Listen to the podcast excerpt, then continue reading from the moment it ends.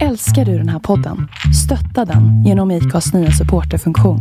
Det är helt upp till dig hur mycket du vill bidra med och det finns ingen bindningstid. Klicka på länken i poddbeskrivningen för att visa din uppskattning och stötta podden. Have catch yourself eating the same flavorless dinner three days in a row? Dreaming of something better? Well, HelloFresh is your guilt-free dream come true, baby. It's me, Gigi Palmer. Let's wake up those taste buds with hot, juicy pecan crusted chicken or garlic butter shrimp scampi. Mm. Hello Fresh. Stop dreaming of all the delicious possibilities and dig in at HelloFresh.com. Let's get this dinner party started.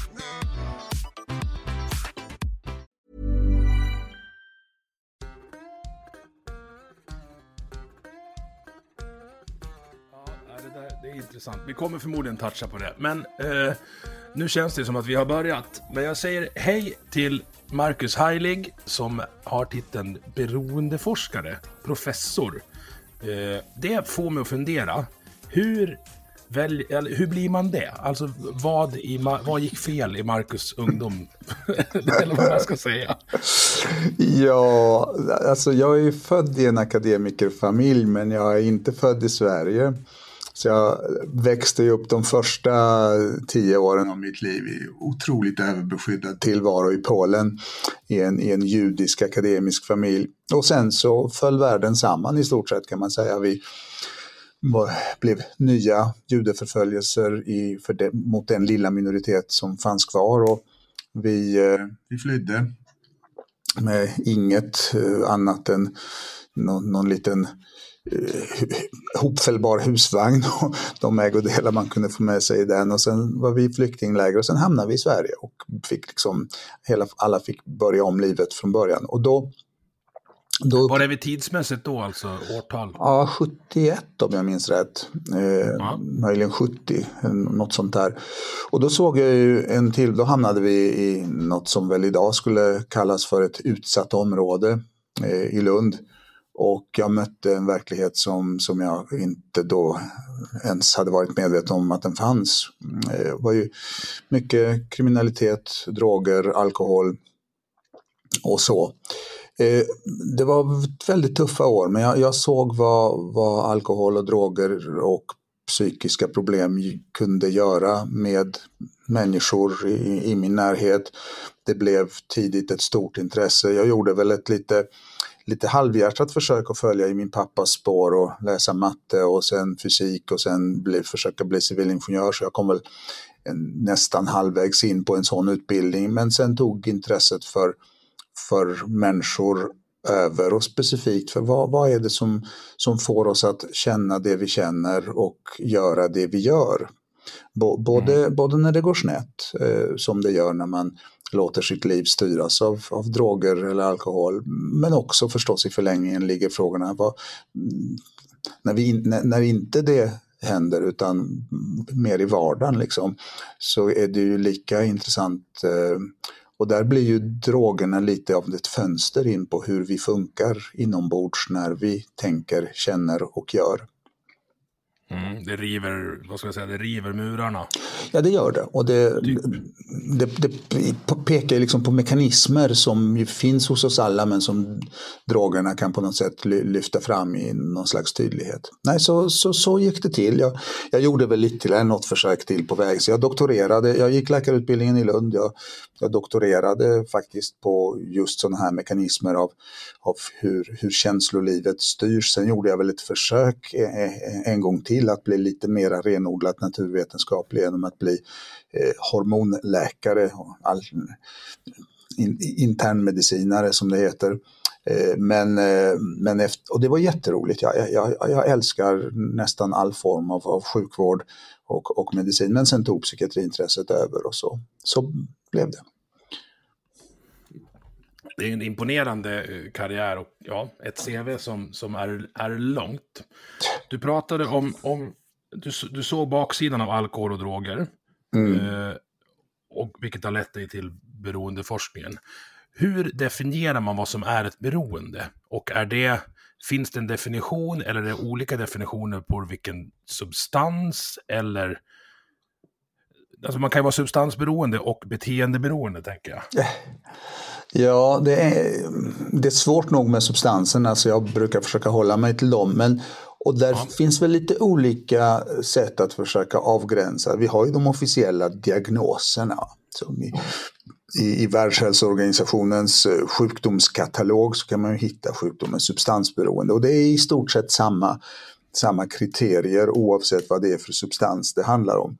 De är inte så tokiga, men bland de här olika sakerna som räknas upp så finns det väl en del som är viktigare än andra. Så att om man bara liksom urskillningslöst går ut med frågeformulär som man ibland gör då, då blir det väldigt många som fångas in under den här etiketten. Jag tror det är lite, och det är också det som lite grann gör att, att folk ställer sig frågande. Men om man tittar lite mer snävt så tror jag att ju, ju längre jag jobbar som beroendedoktor och beroendeforskare så, så, så blir det två fenomen som kanske framträder som det viktigaste när en person håller på att liksom gå in i den här processen eller fortsätter in i den här processen från rekreationsbruk till, till att ett beroende tar över. Och det ena är att, att man i allt större omfattning börjar välja eh, substansen framför friska naturliga belöningar. Så det blir mm. mer tid, kraft på att Eh, skaffa och konsumera alkoholen eller narkotikat än på att umgås med familjen, sköta jobbet eh, eller spela golf eller vad man nu har för konstiga intressen.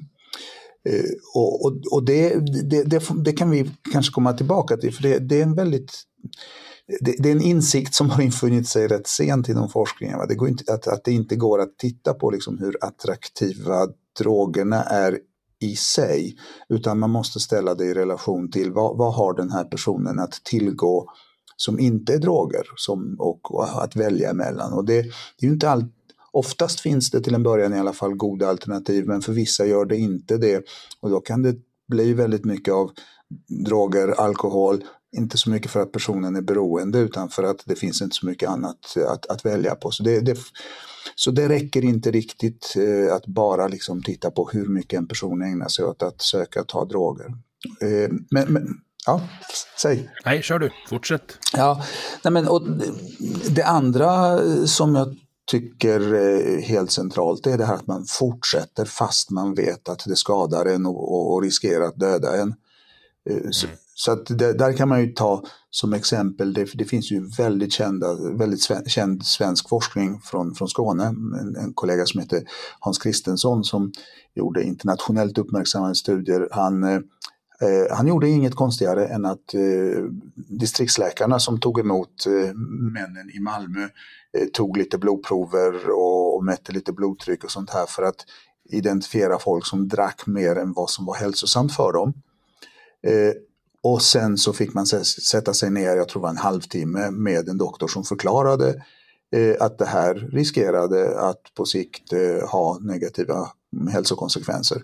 Och där fick man ju jättebra eh, respons. De här personerna gick hem, minskade på sitt drickande och hade mätbara hälsovinster med, med många viktiga mått. Va? Det är inte, och då kan man säga, där ser man vad som inte är ett beroende. De är fortfarande känsliga för att om de får reda på att beteendet riskerar att leda till negativa konsekvenser, då har de kvar förmågan att ändra beteendet. Kontrastera det mot en del av mina patienter som kommer, har en långt gången leversvikt. De vet ju att om de dricker så, så dör de. Och de dricker och de dör där har du det, det, här fortsatt bruk trots negativa konsekvenser. Ibland kallar vi det för tvångsmässigt bruk eller kompulsivt bruk.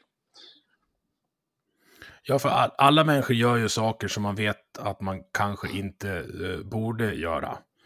Alltså, ja. igår kväll så har jag, jag har en jättefin matlåda med grönsaker och kyckling, men det var tre leverpastejsmackor i alla fall. Och det vet jag det är ju inte superbra när man går och lägger sig. Uh, det är någonting med trösklar och att, förstår, du, förstår du vart jag vill någonstans? Alltså man vet ju att, att det här borde jag inte göra. Det står 90 på skyltarna, men jag vill hem, det, då går det 110. Alltså hela tiden gör man ju saker som är utanför det, det optimala, utan att få någon slags optinoja om man ska leva sitt liv helt fläckfritt.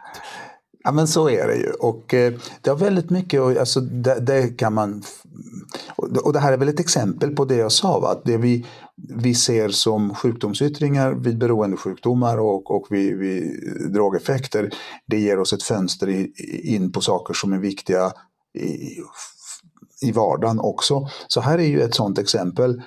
Alla människor är dåliga på, att, på konsekvenstänkande om konsekvenserna har rätt så låg sannolikhet och eller ligger rätt långt fram i tiden.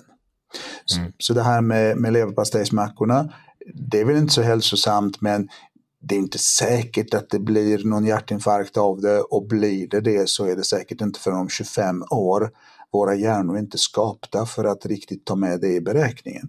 Vi kan lära oss att, att ta med det i beräkningen. Så att om man får god information och så får man liksom öva på att resonera hur, hur, vad man vill göra med sitt liv så kan man förändra de här trösklarna och de här sannolikheterna. Men, men så här liksom oreflekterat, instinktivt så är vi ju jättedåliga på att välja det som är bra för oss på sikt.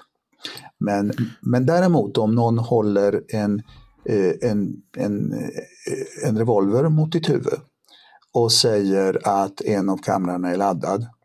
Det är inte så himla hög sannolikhet eh, att, att det är just den som ska snurra upp. Men det är nästan ingen eh, som, som fungerar på ett psykologiskt normalt sätt och är frisk som frivilligt kommer att snurra den där trumman och trycka av. Den, mm. den konsekvensen är inte alltså, även om den sannolikhetsmässigt fortfarande inte är jättehög sannolikhet så ligger den så omedelbart kopplad till handlingen att där klarar man av att styra beteendet. Mm. Där är ju också den filmiska versionen av rysk roulette skiljer sig lite från, det här är en av, en av sakerna som irriterar mig i film. De snurrar ju alltid trumman mellan varje skott. Det gör du ju inte i rysk roulette, utan du fortsätter att trycka av och så delar du pistolen mellan varandra. Så sannolikheten ökar för varje smäll. Det var mer än jag visste och det gör ju ja, det. Du ser. ser Kul att få lära en professor någonting. Mm. Ja, jag tackar. Du, jag vill stanna med de här som du pratar om, som du träffar, som har begynnande eller pågående leversvikt på grund av alkoholberoende, alkoholkonsumtion och ändå väljer att dricka. Mm. Är det så att deras förmåga att hantera den här konsekvensen som är, är uppenbar och inte så långt bort överskuggas av att, alltså att, att den blir ett så stort monster under sängen att det enda sättet de kan döva rädslan för den är genom mer sprit? Det är en väldigt intressant och bra fråga. Det, det, jag, jag är inte säker på att det finns ett enkelt svar på den. För, för jag, jag, tror att det i grunden väldigt mycket handlar om en en nedsatt förmåga att kontrollera beteendeimpulser som finns från början. Det är en genetisk riskfaktor som blir ännu sämre eh, i takt med att man drogar eller dricker. För det, de substanser det handlar om de har negativa effekter på de delar av hjärnan som behövs för att kunna kontrollera impulser, nämligen framloberna. Men sen är det också så att, eh, som du säger, så, så, det är inte bara det här som det här monstret som, men, men det är alldeles klart att eh, därutöver så är stress en faktor som ytterligare nedsätter funktionen i framloberna. Och det betyder att man har nu en ond cirkel som inte bara består av två komponenter, den här genetiska sårbarheten och drogeffekterna, utan också en tredje komponent, nämligen stressen, misären, eländet som kommer sig av drickandet. Mm. Så det, det är en väldigt, väldigt elakartad ond cirkel. Eh, det krävs att man förstår den och att man, eh, att man eh, hittar tekniker att, att hjälpa folk att komma ut ur den för annars snurrar den bara på med, med allt större utslag. Vad är riskfaktorerna för, för att, att hamna i ett beroende? Om vi, vi, fokuserar på alkohol, för det är väl den, den drogen jag kan bäst eh, av, de, av de lagliga eh, och av de jag, de jag brukar. Det är inte så många som jag brukar, utan det är typ den och kaffe. Eh, men hur, hur tidigt kan man se vilka som kommer han ramla dit och vad finns det för riskfaktorer man som, ja men säg som anhörig eller om man, om man kollar på sig själv ska vara uppmärksam på? Mm. Eh, alltså man, man, får ju börja med att säga att det är precis som, och du har redan sagt det men jag vill bara understryka det. Det är riskfaktorer. Vad det betyder är, det handlar om sannolikheter. Så det finns inte någon sån här liksom destiny eh, instämplat i någons panna. Vi måste komma ihåg det. Så vi pratar om statistiska förhöjningar i risk. Eh, och sen det andra vi behöver säga att det finns Just när det gäller alkohol så tror jag och många med mig att det finns i alla fall två ganska olika vägar in i alkoholproblem och alkoholberoende. Den ena vägen, den, den ser man väldigt tidigt. För vad det, den, den har en hög genetisk komponent i risken. Omkring hälften av, av, av risken för att utveckla alkoholberoende kommer från generna. Eh, mm. och det, det kan vi mäta väldigt väl så, men det lämnar ju kvar frågan, liksom, okej, okay, hur, hur, hur gör just den DNA-sekvensen att någon löper den större risken? Och då kan man säga att det, det vi kanske bäst och mest säkert känner till, det gör den just genom att man, man har en försämrad impulskontroll. Och det är ju något som man ser ganska tidigt i livet på ungarna. Så mm. de, här, de här killarna som inte kan sitta still i klassrummet och far runt och hittar och visar tecken på dåligt konsekvenstänkande, hittar på grejer som andra även i den åldern liksom förmår att avstå ifrån. De är de har en förhöjd risk. Och tittar man på vad som på något sätt blir typexemplet på det så kan vi ju ta ADHD. Men ADHD mm. är ju i princip en, ett tillstånd där framlobernas utmognad är förlångsammad. De, många, mer än hälften, kommer i fatt till slut, men det tar längre tid. En del kommer inte i fatt och har symptom kvar i vuxenlivet. Men eh, men om det här som jag säger stämmer så skulle man ju förvänta sig att en obehandlad ADHD skulle öka ens risk att utveckla ett beroende. Och det är precis det man ser, så att den risken ökar någonstans mellan 3 till 6 gånger om man, om man har en obehandlad ADHD. De de goda nyheterna är att om man å andra sidan identifierar den här ADHD-problematiken tidigt och behandlar den, Eh, då kan man minska ner den här risken nästan tillbaka till någon slags genomsnittsnivå.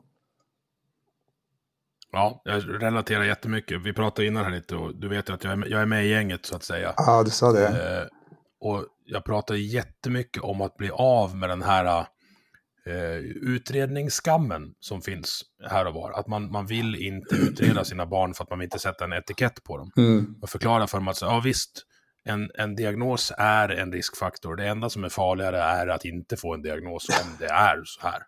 Precis.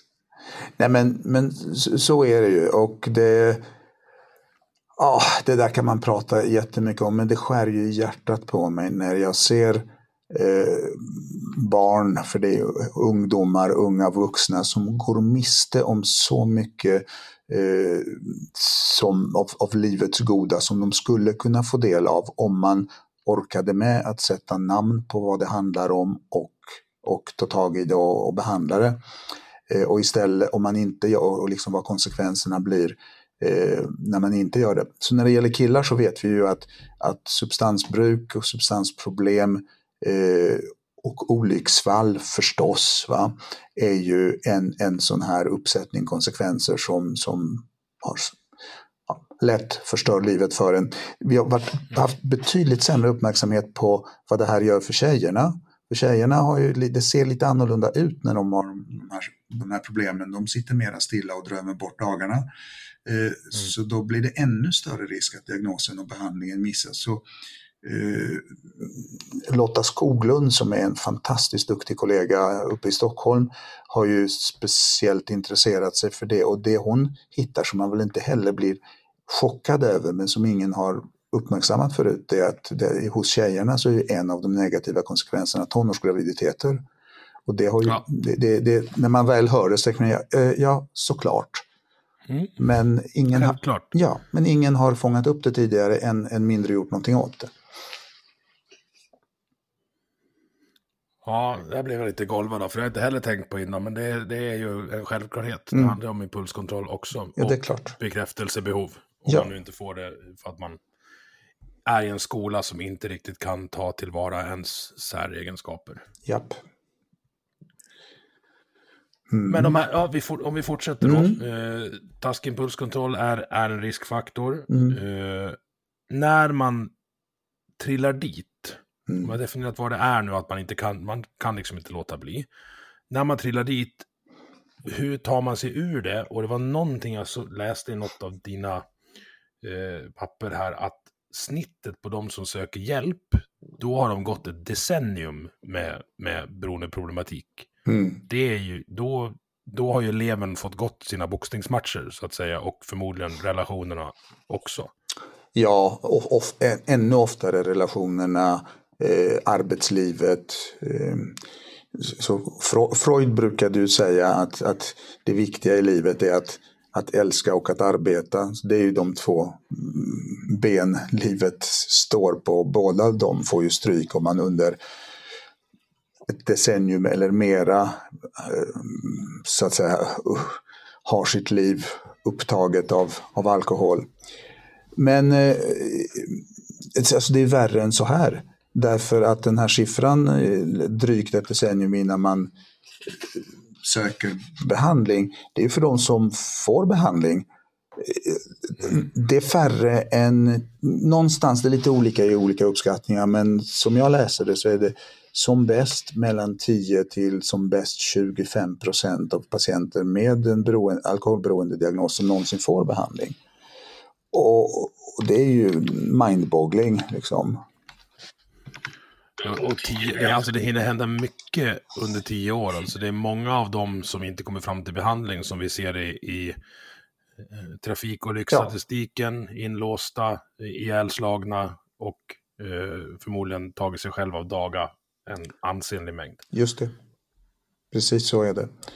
Eh, och, det, och jag nämnde det inte, vi, vi, vi pratade om det här med konsekvenserna eh, just då substansbruk och olycksfall. Så, men kriminalitet är ju förstås eh, en, ytterligare en som, som du nämnde nu. Så det, och, och faktiskt, både kriminalitet som man själv eh, utför men också risken att bli offer för för brott ökar med, med den här typen av problem. Och det är inte så konstigt. Va? Om man inte har något konsekvenstänkande så utsätter man sig ju lättare för risker som andra tänker att eh, ja, nej, okej, okay, det är ju inte, det är inte mitt fel att det är farligt att gå in, genom den här parken klockan två på natten, men eh, och det är kanske orättvist att jag inte eh, får göra det, men det, jag låter bli för jag vill inte utsätta mig för den risken.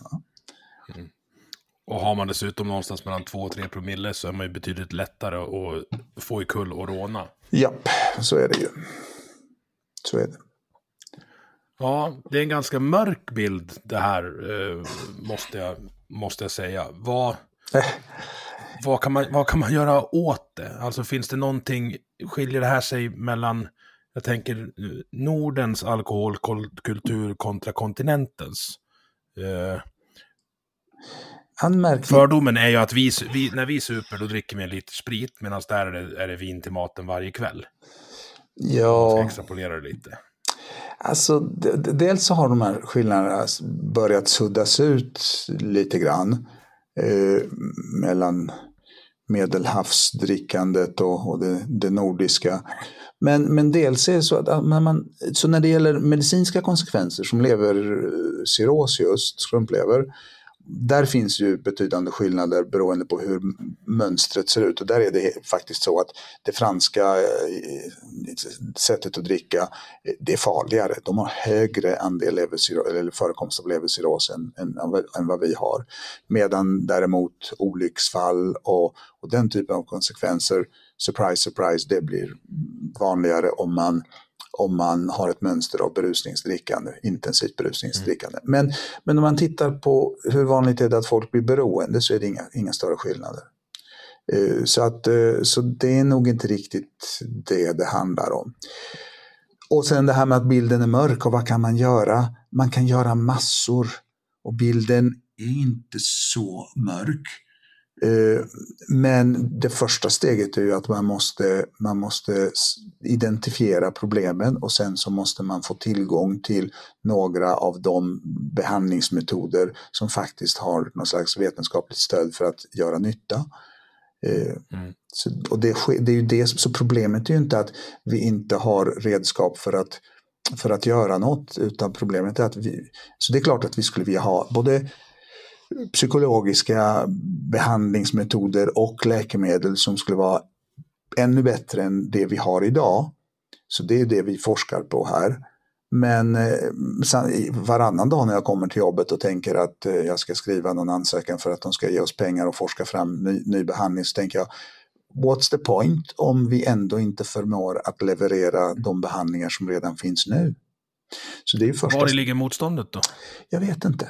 Alltså, eller ja, det, det finns många skäl. Det, det finns... Eh, det handlar om allt från eh, bristande kunskaper, bristande intresse, stigmatisering är ju en jättestor del. Va? Det, här, det är väl så att både alkohol och droger orsakar både konsekvenser och, och beteenden som, som kan vara väldigt skrämmande och, och frånstötande eh, ibland. Och då blir det väldigt viktigt att liksom, eh, Eh, ja, dra någon, någon, någon skiljelinje mellan vi och dem och, sen, och de, de, de där människorna de får ta sig i kragen. Det finns väldigt mycket av, uppfattning, av moraliserande uppfattningar att det här är något som man eh, man själv eh, orsakar och elände man drar över sig själv och varför ska då eh, samhället och sjukvården eh, ägna resurser och kraft åt det. Och jag, jag vet inte, det, det, är aldrig någon som för det resonemanget när no, någon kommer in på ortopedakuten med ett avslitet korsband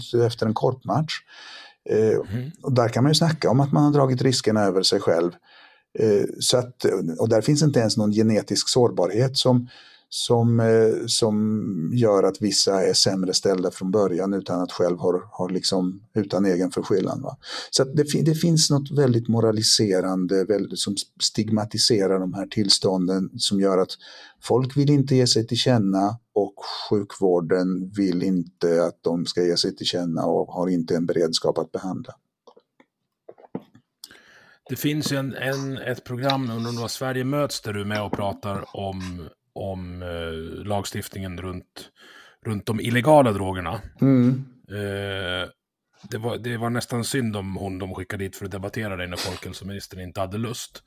För, men du blir betraktad som någon slags legaliseringsdrogromantiker eh, när du, men bara det du, det du sa nu, att här, vi kanske borde kolla på hur vi, hur vi gör. Bara det uttalandet har ju, i varje fall tidigare, kanske, kanske blir lite bättre nu, gjort eller varit stigmatiserande. Jag tycker det är, det är rent ut sagt korkat, om uttrycket ja, tillåts. Det är, det, det, det är någonstans mellan korkat och elakt. Därför att mm. det är korkat om man tror, så här är det, att jag, och det här är lite av en ironi, jag är väl ingen eh, de flesta, alla som känner mig vet att jag är motsatsen till en drogromantiker. Jag vill inte ha någon legalisering. Eh, man kan diskutera och det är naturligtvis, det, det, är bara delvis en medicinsk diskussion, det är väldigt mycket en någon slags moralisk diskussion. Det, det är alldeles uppenbart att om vi imorgon legaliserade eh, cannabis i Sverige så skulle det stora flertalet brukare antagligen klara sig rätt så okej, okay, men det är en lika stor realitet att en stor minoritet skulle råka oerhört illa ut med mm. cannabispsykoser som kan helt förstöra livet för dem. Eh, och mitt ställningstagande i den frågan är glasklart och allt annat än drogliberalt, nämligen min frihet att få avnjuta en joint är inte värd priset för de sårbara individer som får de negativa konsekvenserna, även om de är en minoritet. Så jag är ju inte på något sätt en legaliseringsförespråkare vad vi pratar om och vad vi pratade om i det här programmet, det är ju att avkriminalisera eget bruk. Och vad det då handlar om är att människor som redan utvecklat ett beroende har nog med problem. Eh, de behöver inte att vi dessutom Eh, gör deras sjukdom till ett brott för vilket de jagas av polisen och vilket driver på stigmatiseringen, vilket driver på misstänksamheten mot samhället, obenägenheten att söka behandling och precis allt det som vi inte vill ha. Så att det, det är två helt olika saker. Jag kan säga att en enig styrelse för eh, Svensk förening för beroendemedicin har den uppfattning som jag ger uttryck för här nu. Vi har skrivit om det på, på, på dagens på DN Debatt eh, och så. Och det finns ju ett tankeförbud mot det. Så att det eh, när nu en narkotikautredning är tillsatt för att se över svensk narkotikapolitik, riksdagen sa ju till förra regeringen att den ska utredas. Då skickade socialministern med ett direktiv till utredningen att man fick specifikt inte titta på avkriminalisering. Och Morgan Johansson, avgående justitieministern, fortsatte att blanda ihop korten och säga att alla som, som vände sig emot det tankeförbudet, de var några drogromantiserande legaliseringsivrare. Now, Morgan Johansson är jurist. Jag kan inte föreställa mig att det i hans fall skulle handla om att han inte förstår skillnaden mellan en legalisering och en avkriminalisering. Utan han gör avsiktligt den här hopblandningen och då är det inte korkat, då är det elakt. Hej, jag Ryan Reynolds. På Mint Mobile, we like to do the opposite of what Big Wireless does. They charge you a lot. We charge you a little. So naturally, when they announced they'd be raising their prices due to inflation, we decided to deflate our prices due to not hating you. That's right. We're cutting the price of Mint Unlimited from $30 a month to just $15 a month. Give it a try at mintmobile.com slash switch. $45 upfront for three months plus taxes and fees. Promo rate for new customers for limited time. Unlimited more than 40 gigabytes per month. Slows. Full terms at mintmobile.com. Hold up. What was that? Boring. No flavor. That was as bad as those leftovers you ate all week. Kiki Palmer here, and it's time to say hello to something fresh and guilt-free. Hello Fresh. Jazz up dinner with pecan-crusted chicken or garlic butter shrimp scampi. Now that's music to my mouth. Hello Fresh. Let's get this dinner party started. Discover all the delicious possibilities at hellofresh.com.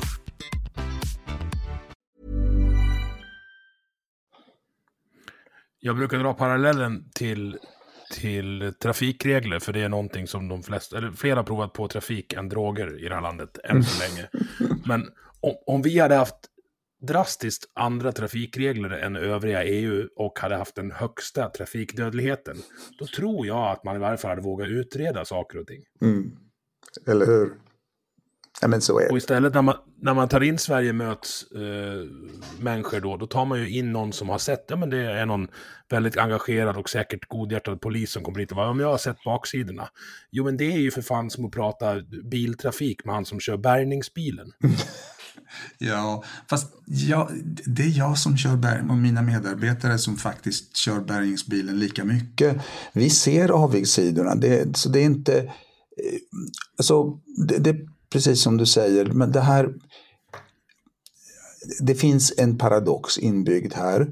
Eh, vi är i Sverige sedan decennier tillbaka väldigt duktiga på att slå oss för bröstet och tala om för resten av världen vad som är rätt saker att göra och väldigt dåliga på att uppnå resultat.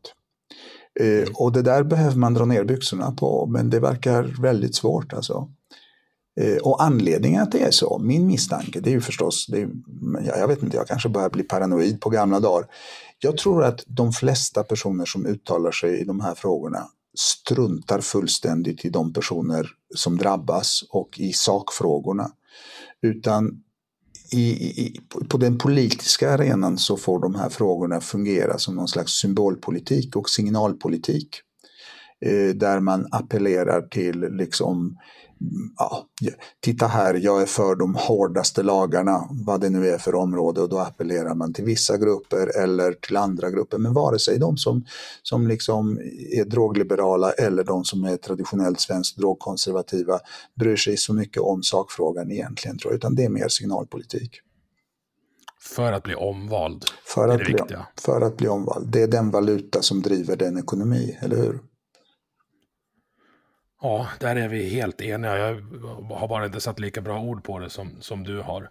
Det där, alltså det där spiller ju över i, på andra delar också. Alltså det finns flera delar av samhället där, där man väljer att gå ideologiskt istället för att gå vetenskap. Du sa någonting bra, jag kommer inte ihåg vilket det var, för jag har lyssnat på dig i typ två dygn nu. Men eh, man ska komma till jobbet varje morgon, om man då är vetenskapsman. Kom till jobbet varje morgon redo att förkasta allt du trodde på igår om nya data visar att du har fel. Du, du har lyssnat väl, ja men så är det ju.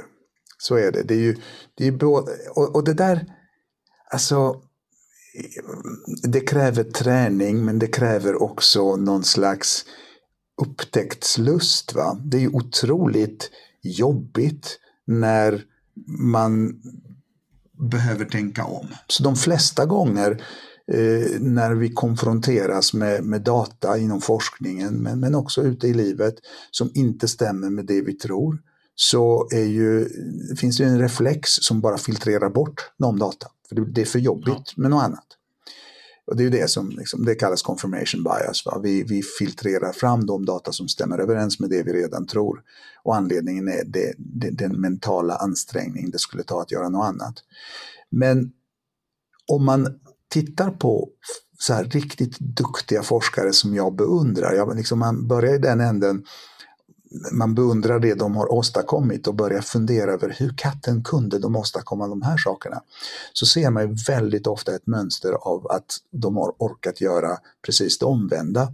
Något oväntat har dykt upp, liksom ett, ett, ett experimentresultat eller någon, någon uppsättning data som liksom bara inte går att få ihop med det, det man trodde sig veta innan, så har de bara sagt åh fasen, det kanske är på ett helt annat sätt. Det är då de stora upptäckterna görs i det stora. Och det är dock också då man har möjlighet att, att, att i det lilla få uppleva den här upptäcktsglädjen i sitt eget enskilda liv. Så att om man bara orkar och om man får möjlighet att uppleva det där så är det ju hur kul som helst. Och har man en gång blivit, jag kan säga att det, det är min drog. Var, varje, gång, varje uppsättning nya data rymmer i sig en, en, en, en möjlighet att liksom få en ny inblick som man inte hade tidigare. Det, det är det som får oss forskare att ticka. Ja, men du, du säger det inblick i någon, en inblick som du inte hade tidigare. Mm. Det är ju ett vackert sätt att säga att ja, men jag visste inte, eller till och med jag kanske hade fel. Och se det som, som någonting positivt. Jag kommer ihåg att jag hade en föreläsning på Entreprenörsskolan för länge sedan där det var en amerikanare som, som kom dit och visade. På hans visitkort så hade han alla företagsnamn som han har kört i konkurs på mm. baksidan. Titta vad jag har vågat. Mig ska ni satsa på. Mm. Det, det, skulle ju ingen svensk Nej. köra. Nej, ja, precis. jag har hört det där exemplet förut, men det är ju så. Det är en, det är en annan kultur, det är mycket mer... Så, så vad du beskriver är ju en entreprenörsanda som vågar pröva idéer i, i, inom näringslivet. Och, och det, det, är väldigt likt att, att inom forskningen så måste man ha någon slags entreprenörsanda där man, där man vågar liksom ställa upp idéer och, och sen låta de som inte har livskraft gå omkull för att, för att kunna vaska fram de som är bättre. Men det finns, så det finns en, en intressant sida av det där som jag tror färre tänker på. Att en förutsättning för att du ska kunna göra det där i, inom i, i, i det marknaden, så att säga, det är ju att du tillräckligt tydligt formulerar vad det är du egentligen tror. För det är först då som det liksom blir tillgängligt för att ställas mot data och dra någon slags slutsats. Stämde det eller verkar det som det inte stämde? Så väldigt mycket av den här luddigheten vi hör, det är ju ett sätt, ett sätt att liksom ha, ha, ha luddiga idébyggnader som blir helt immuna mot, mot data därför att det är oklart vad man egentligen säger. Och det är som att köra bil med, med ögonbindel om du inte riktigt vet vad du ska. Eh, eh, eller var du, var du är. eller vart du vill. Ja, alltså blir, ja. ja precis så. Jag, jag tänker också att du, du beskrev det där som att i, i, en, i en fungerande marknad där jag tänker att man kan, man kan extrapolera det till alla marknader där valutan är eh, men, reella valutor. Jag tänker på, på alltså i krig. Mm. Där behöver du ha så mycket data som möjligt. Du behöver, jag tänker framförallt på artilleriet. De skjuter iväg en pjäs först och så ser de var den landar och sen riktar de om. Mm. Hade det förts som på samma sätt som politik, då hade vi bara haft en stor krater på slagfältet. Så, nej, men vi, vi är helt säkra på att vi skjuter åt rätt håll. ja, men precis. Och, och faktiskt, nu är inte jag någon någon historiker eller så, men det, det lilla intresse jag haft. Och var det inte lite så krig fördes förut? Man liksom skickade fram de stackars infanteristerna, no matter what, hur det än gick, upp i uppförsbacken och sådär, och var okänslig för data, nämligen de data som sa att de dör allihopa. Och, det, och sen någonstans eh, så, så börjar man eh, inse att så här kan man inte ägna sig åt krigföring. Man måste så att säga förändra sin taktik utifrån vad som händer på slagfältet. Jag tror att krig, framförallt för 500 år sedan, var nog mest att springa omkring och leta efter varandra. Man varken hade kartor eller GPS. Ja, ja, det är sant. Det... Men du, du, jag vill fastna lite på, vi pratade lite IQ här innan vi drog igång eh, inspelningen. Alltså, eh, intelligens, Mm. hur, hur påverkar det eh, risken att hamna i ett beroende? Jag har en teori, men jag, jag, kanske jag som ska ta min teori först. Ja, ta ta din teori, det ska bli väldigt spännande att höra. Jag tror att, att, framförallt om vi pratar män, jag tror att risken för att hamna i ett substansberoende är högre ute på eh, kanterna av, av the bell curve. Alltså du som har varit IQ under, eh, säg 90 eller över 120, eh, tänker antingen för lite eller för mycket för, för att orka leva i verkligheten hela tiden. Åh, gud. Vet du att det, det är inte så välkänt? Eh, det, delvis tror jag, alltså det är ju otroligt tabubelagt att studera saker runt intelligens som du säkert vet, eller tabubelagt, väldigt kontroversiellt. Det, och, och att koppla ihop det med sådana här negativa eh, livsutfall som beroendeutveckling, det, det, har liksom, det har man inte gjort.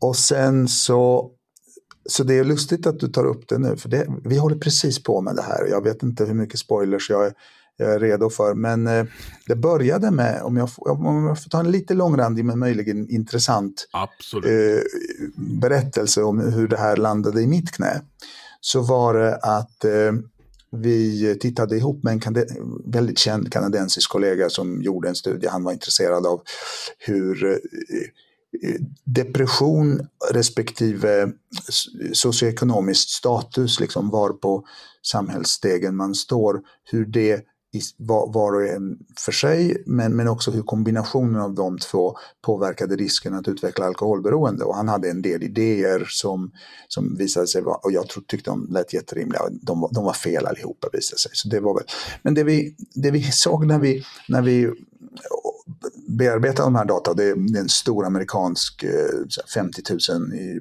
personer plockade slumpmässigt ur totalbefolkningen. Så det är, det är, en väldigt, det är ett väldigt bra material. Så vi kunde ju väldigt tydligt upprepa det som har, har stått i, eh, i varje textbok sedan hur länge som helst, att lågt socioekonomisk status är en riskfaktor för att utveckla alkoholberoende. Okej, fine. Liksom vi, det, det är ingen som, som tycker något annat än att men det, det, det är ju intuitivt självklart, det visste vi väl redan. Sen började jag tänka, vänta lite, vad är det vi tittar på egentligen? Och då, då är ju tankegången alltid att okej, de här mm, fattigdomen eller vad det är för andra omständigheter som, som går in i det här med lågt socioekonomisk status, de är exponeringar som individer, när de exponeras för, då ökar det risken för att utveckla alkoholberoende. Men samtidigt höll jag någon annanstans på och, och läste in mig och då, då visade det sig ju att eh, genetiken har kommit väldigt långt på en del områden och ett av de områden det har kommit, den har kommit längst på det är just intelligensforskningen. Intelligens är till 80% genetiskt bestämt. Och om man tittar lite grann i detalj på de studierna då visar det sig också att det bästa, vet, vet du vad det bästa sättet att mäta intelligens är? Eh, I, gissa. Jag ska gissa på fram, alltså så här, framgång i livet, alltså pengar. Uh, det, det korrelerar. Det korrelerar Ja. väl, men det korrelerar ännu bättre med, med utbildningsnivå. Därför att i avsaknad av specifika, alltså det kan, ju, det kan ju vara så att man trots hög intelligens på grund av specifika störfaktorer, ADHD, eh, autismspektrumstörning eller vad det är, kanske inte når sin fulla potential utbildningsmässigt. Men statistiskt sett på befolkningsnivå så är det en jättestark korrelation. Så vad vi mäter när vi mäter, mäter utbildningsnivå på folk, det är till 90 procent eller mera deras intelligens. Och socioekonomisk status mäts på två sätt. Ett av dem är eh, årsinkomst, det andra är, är utbildningsnivå och i det här fallet så var det utbildningsnivå man hade tittat på. Om man satt, och då satte vi ihop det här så insåg herregud, vad man egentligen har mätt i alla de här studierna, det är att man har mätt på ett indirekt sätt folks intelligens och så har man sett att ett lågt mått som då indirekt mäter intelligens är förenat med förhöjd risk för, Eh, för alkoholberoende och eh, hög utbildningsnivå, eh, låg risk. Så vi har nu tittat på det här. Det är sannolikt så att, att, det finns en, att intelligens är ett väldigt starkt, en väldigt stark faktor i risken att utveckla beroende. Ju lägre intelligens, desto högre risk och vice versa. Inte, vi, vi, och vi har tittat på det här ihop med en nyss avliden kollega som var fantastiskt duktig barn och ungdomspsykiater, som, där vi tittade på på svenska mönstringsdata, det här är inte publicerat än, men, men när, när alla män mönstrade så eh, genomgick de bland annat ett IQ-test. Och eh, så vet vi ju att eh, deras barn ärver ju till hälften alltså till 80 procent av hälften om man säger så. Så det finns ett väldigt starkt samband mellan de här unga männens IQ och om man sen tittar på deras barn. Eh, och då visar det sig att eh, hög IQ, markant lägre risk för beroendeutveckling, och, alltså hög IQ hos pappan. Markant, och det kan ju inte vara en psykosocial faktor, utan det, det måste vara en genetisk faktor. lite oväntat och det här kommer att väcka ett jädra ramaskri. Så vi, vi, och vi, vi är väldigt öppna, vi kanske har fel. Det, men så här långt så all, varje sätt vi tittar på tycks bekräfta den här, den här, det här sambandet och vi tycker det är otroligt viktigt. För vad det bland annat handlar om är ju, det handlar ju inte om att det här blir ju svåra etiska frågor, men det handlar ju inte om att på ett tidigt stadium peka ut folk som sämre sortens människor som man ibland får liksom någon slags karikatyr på, utan vad det handlar om är att tidigt känna igen, igen individer som löper risk att råka illa ut i livet och se till att de får den hjälp så att de slipper råka illa ut i livet. Mm. För det vi, det vi gör idag i skolan, det är ju, ja men säg ADHD-grabbarna på, på högstadiet, det enda de får lära sig är att de inte kan något. Just det. Och, och eh, då, och jag pratar av egen erfarenhet då, att eh, kan du inte vara bäst på att vara bäst, då siktar du på att bli bäst på att vara värst. Ja. Och ett bra sätt att bli bäst på att vara värst, det är ju att, att dricka öl. Precis, så, så är det. Det blir lättare att vara värst då. Hur? Så är man lite frän och ja. ja. Hur, hur, hur, hur hanterade du det där?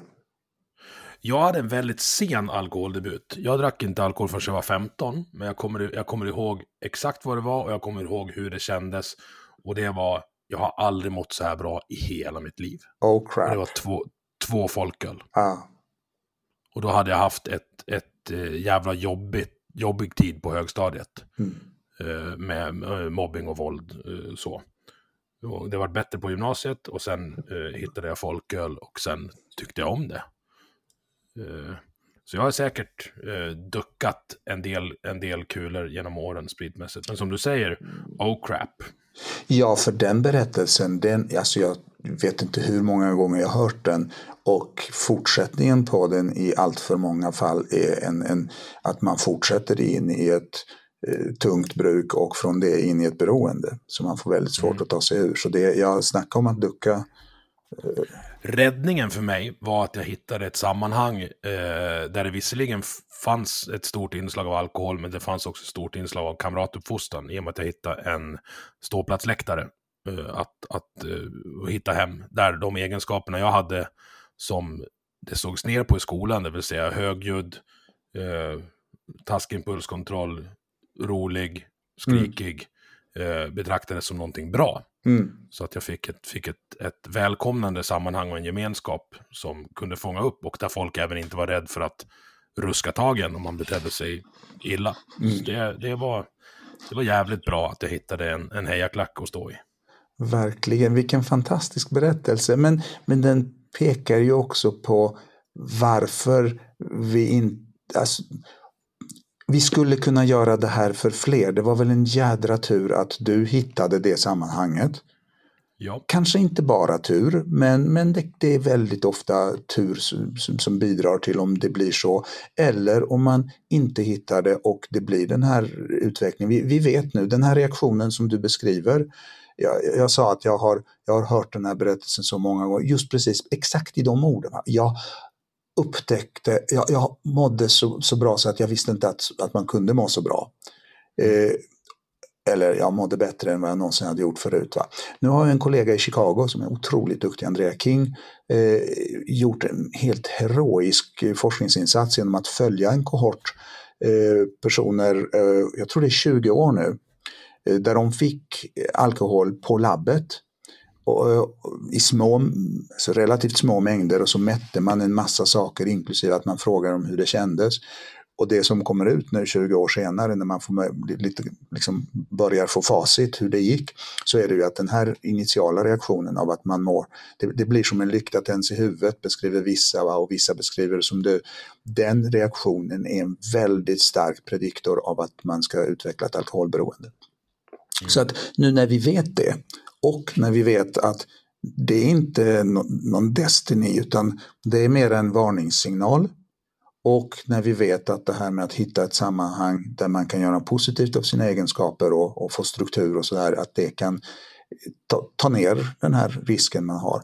Då tycker jag ju att då borde det väl vara självklart att vi ska försöka identifiera de här personerna som har den höga risken och försöka, försöka hjälpa dem att, att inte drabbas av den. Men det betraktas som otroligt kontroversiellt det är samhällsekonomiskt bra också för att tillhandahålla en struktur för de här. Dels om de inte har haft det någon gång och får ett sammanhang där, där de uppskattas och ses, då får du en lojalitet eh, som, som är...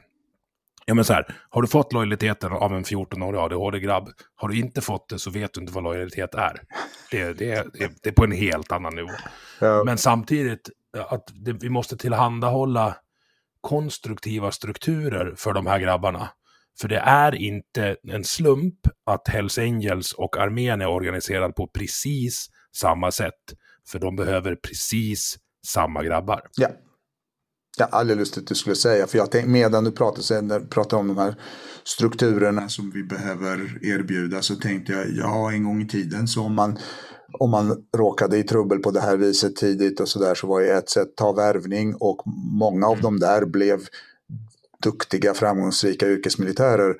Eh, så att absolut, eh, så, så, så är det. Jag, jag gjorde lumpen 99 när jag var 19 och det, det gick ju ganska fort när vi var, vi var mycket på, på slottet att bara, jaha ja, men eh, Nilsén, han är ju rätt bra på att slåss med fyllon, för det var ju min hobby då som 18-19-åring. Så det, det var ju min uppgift på slottet, bara, äh, vi ringer ut masen, det är bråk.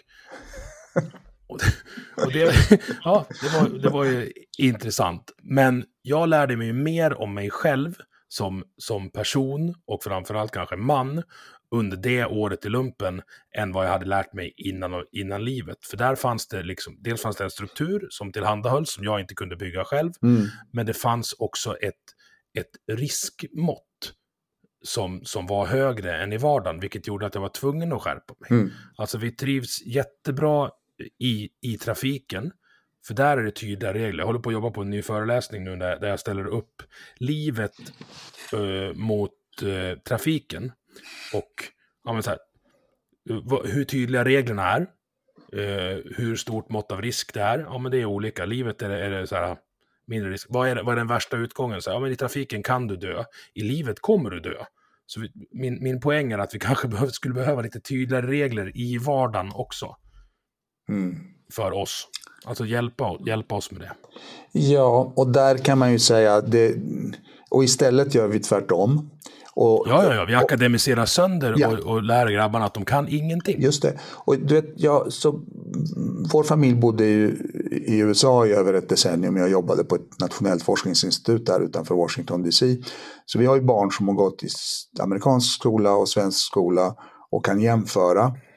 Och eh, utan att säga för mycket så är det ju, alltså den amerikanska skolan, det här var den, den bra versionen av det. Eh, liksom bra område och, och sådär. Men, men det var ju glasklar struktur. Va? Det här är läxan till imorgon. Det här är förhöret. Det här är antalet poäng du behöver uppnå för att få det här betyget och det här är antalet poäng för det här betyget och det här är underkänt.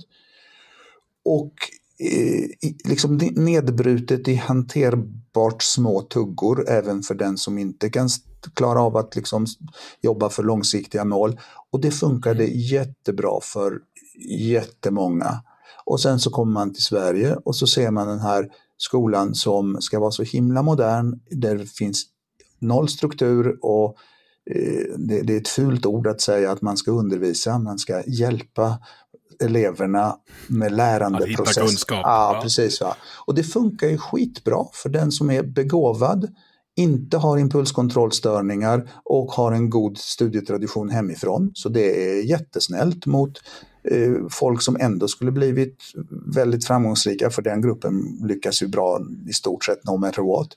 Och det är så jäkla oschysst mot de som har de här svagheterna som bara liksom hamnar längst bak i klassrummet och liksom guppar på stolen med kepsen bak och fram och fattar ingenting. Mm. Och det här vet ju folk om. Det här ja. är ju ingen nyhet. Alltså, framförallt lärarna i det klassrummet vet ju om det. Ja, det är klart.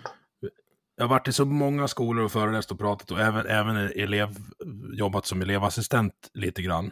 Och det skiljer så mycket hur bra de är på att hantera de här grabbarna beroende på hur mycket de vågar avvika från läroplanen. Mm.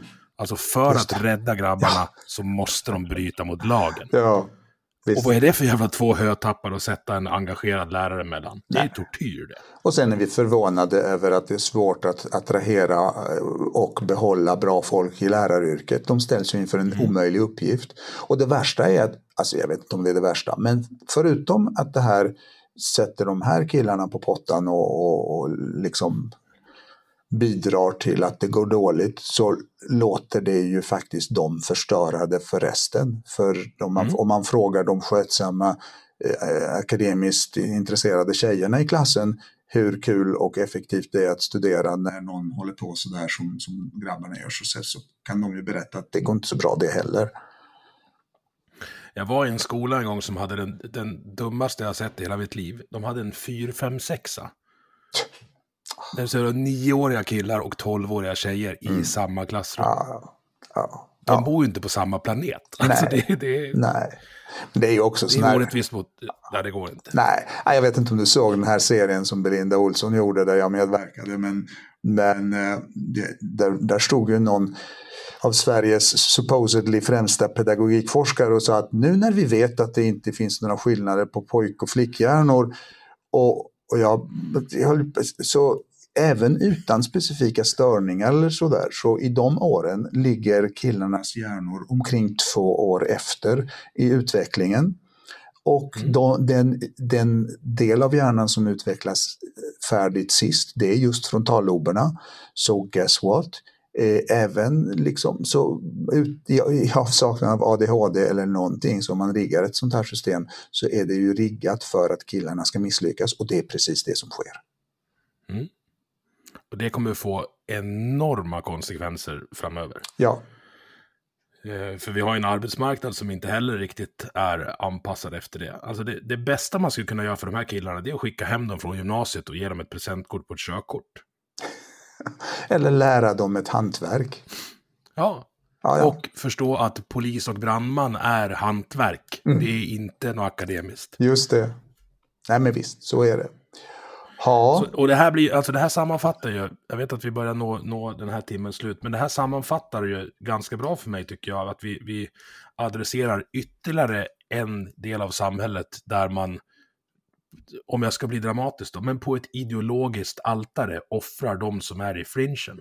Ja, Precis så är det och det som är det mest motbjudande i det för mig är att väldigt ofta som har väldigt hög svansföring och väldigt hög uppfattning om sin egen sociala patos när, samtidigt som man gör de här sakerna som drabbar de svagaste mest. Mm. I den humanitära stormakten Sverige. Just precis. Nej, det är motbjudande. Det, det är ett sickening. Ja. Du, eh, jag vill spela in 14 avsnitt till med dig någon gång. Vad väldigt trevligt att prata med dig kan jag säga. Jätteroligt. Det skulle vara kul att träffa dig i verkliga livet någon gång. Ja, jag ska ner och hälsa på Adam någon gång, det lovar jag. Då ska vi, då ska vi. Du, sista frågan som jag skrev upp som första fråga. Mm. Brukar Marcus Heilig några droger? Jag, ja, absolut, jag springer fyra mil i veckan. Eh, jag, Endorfin är en drog. Jag, jag, jag åker ut för så brant min höga ålder tillåter och hitta en partner att spela squash med så, spel, så slår jag på bollen så hårt jag kan. Jag dricker gärna eh, en god whisky eller ett gott vin, men, men jag är också rätt rädd om min hjärna numera. Den, du vet, den börjar bli gammal och ska man vara rädd om sin hjärna så inser man att då är det bra att begränsa exponeringen för kemiska substanser av det här slaget. Ja, hur är det med kaffet då? Det kan jag säga. Fram till klockan fyra på eftermiddagen i alla fall så finns det inga begränsningar. Nej.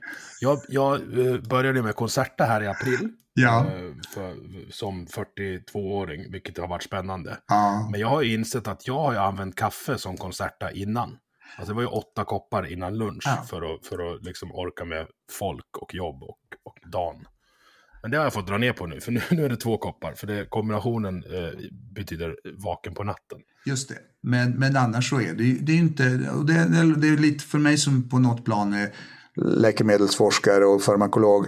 Eh, det, det stämmer, alltså koffein har ju i väldigt, alltså naturligtvis i väldigt begränsad ska, omfattning liknande effekter. Och sen är det ju roligt att höra, hur, hur tycker, du, tycker du att konserten gör den nytta som, som man... Ja, alltså det har sänkt svårighetsgraden på livet eh, flera, flera stepp. ja, Jag är jätteglad. Ja, vad roligt att höra. Och samtidigt ledsamt att det inte, att det inte dök upp som möjlighet tidigare i livet, eller hur? Både ja och nej. Alltså, när jag började med konserten så sitter jag med en arbetssituation som jag tycker om, en fru jag älskar och två fantastiska barn. De hade jag inte haft, alltså det blir en sliding doors-grej. Okej, Eh, jag förstår. Hade jag fått det tidigare så hade jag kanske haft, jag vet jag kanske hade haft det bättre, men jag hade inte offrat Therese, Maja, Stina och Emma-Lisa för det. Utan det eh, jag bär mina ärr med stolthet och försöker göra det så bra jag kan där jag står nu. Ja, fantastiskt att höra. Det, ja. men, men, men, men jag kan säga att som, som pappa till ett gäng ungar så tror jag att eh, papparollen blir lättare. Med, med, Det kan jag säga, att det är det. yes. Du, Marcus, återigen, tack så mycket för att jag fick låna dig. Det här var, eh, det här var nog det bästa avsnittet hittills. Stort tack själv, det var jättekul att prata med dig. Ha det bra. Du har lyssnat på Vi måste prata som produceras av mig, Emil Nilsson. Tycker du om det du hörde? Dela avsnittet med dina vänner och på sociala medier. Vill du stötta podden kan du göra det via Patreon där du hittar den på patreon.com snedstreck vi måste prata i ett ord. Eller så swishar du en slant till nummer 123 671 46 79. Vi hörs!